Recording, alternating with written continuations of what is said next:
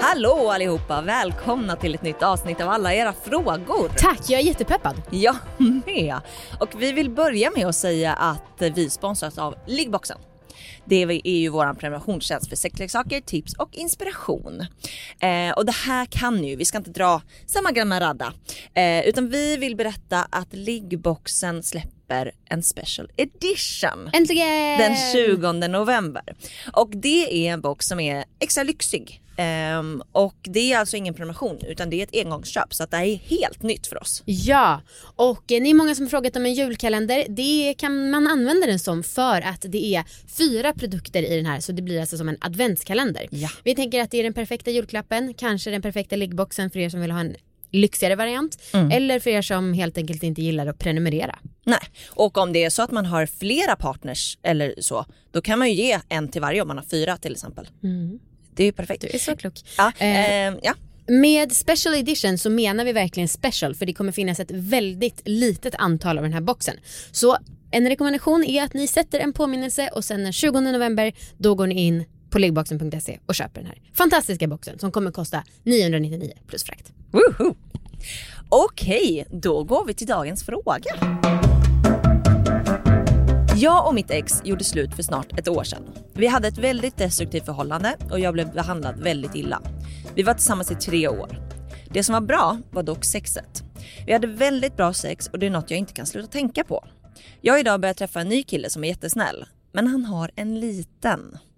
Den är inte jätteliten, men om man jämför med mitt ex så känner jag inte alls lika mycket. Och jag hatar att jag jämför. Är det konstigt? Och vad ska jag göra? Ska jag verkligen haka upp mig på det här? Hur slutar jag jämföra med mitt ex och hur blir sexet med den nya bättre? Internet svarar dig. Jag tror att många tjejer känner sig slampiga om de erkänner att de vill ha en fet jävla megakuk i fittan. Däremot tror jag att det är långt ifrån alla som gillar stora kukar. Det är väl helt individuellt. Sen tror jag att en kille med en liten kuk, men med rätt teknik och inlevelse, går hem mer än en kille med stor kuk och kass närvaro. Och har man en liten kuk kanske man har lärt sig att utveckla andra skills som tar över.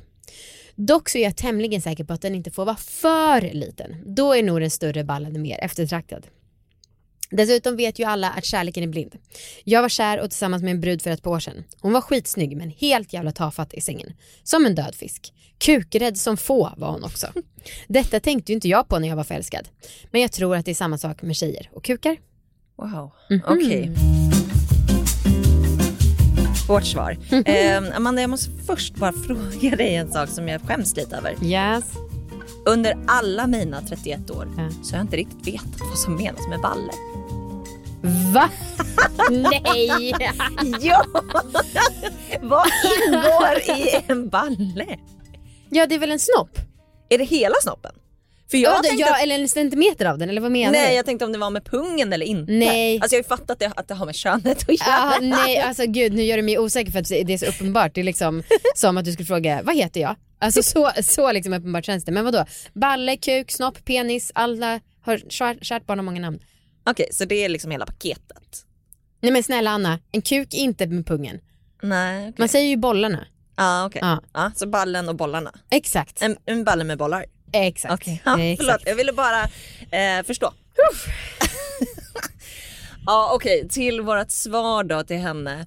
Ehm, jag tänker direkt att det är väldigt lätt att glömma alla de här dåliga sidorna hos ex. Mm. Ehm, att det är liksom lätt att glömma bort att det var så jävla dåligt i de här situationerna och så tänker man att så här, men det var ju det, det som var bra som var så himla härligt liksom.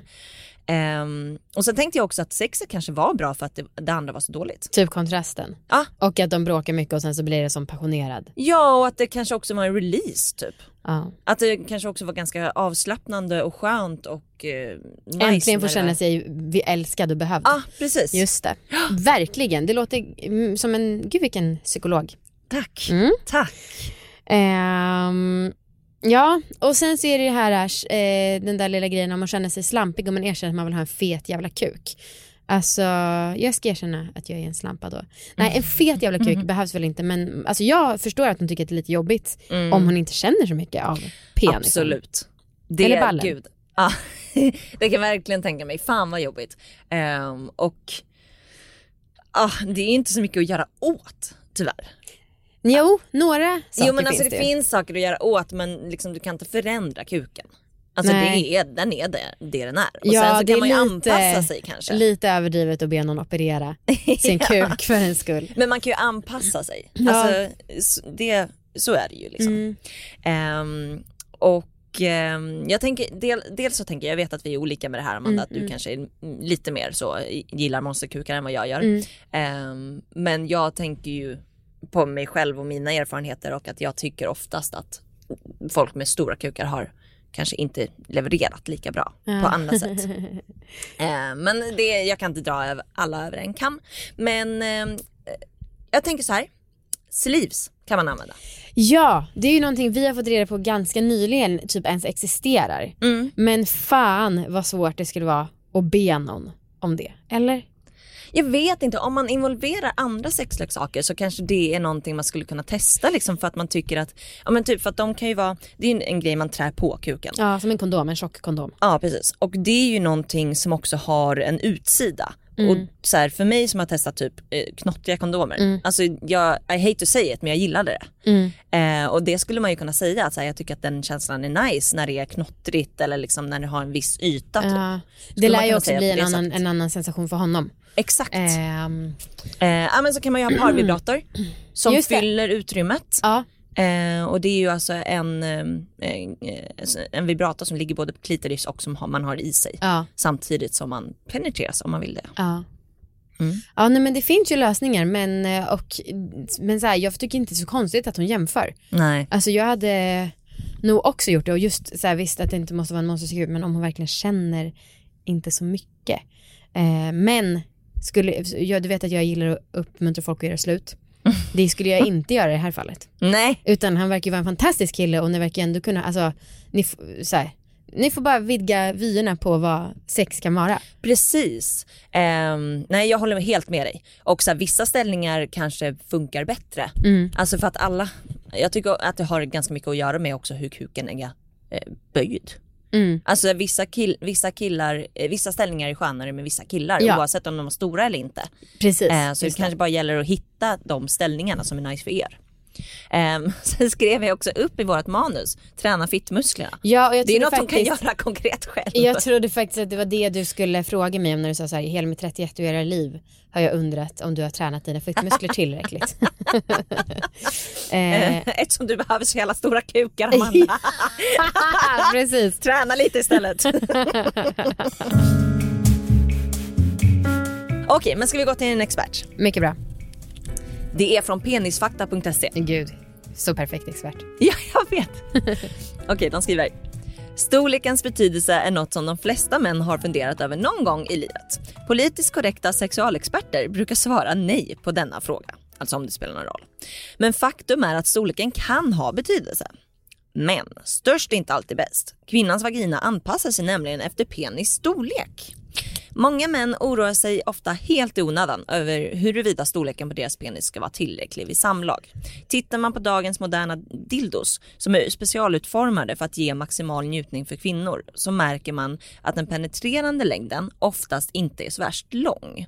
Den genomsnittliga penetra- penetrerande längden på en så kallad rabbit, den populäraste och mest avancerade typen av sexleksak, är cirka 12 cm. Alltså något under den genomsnittliga längden på en manlig penis. Det här förvånar mig. Vad intressant, för att vi har ju en favorit rabbit och den är ju typ 20 cm men när jag tänker på det så är det ju inte alls hela som kommer in igen. Nej. Utan det är ju till där själva öronen på kanalen sitter. Så då är det ju verkligen 10-12.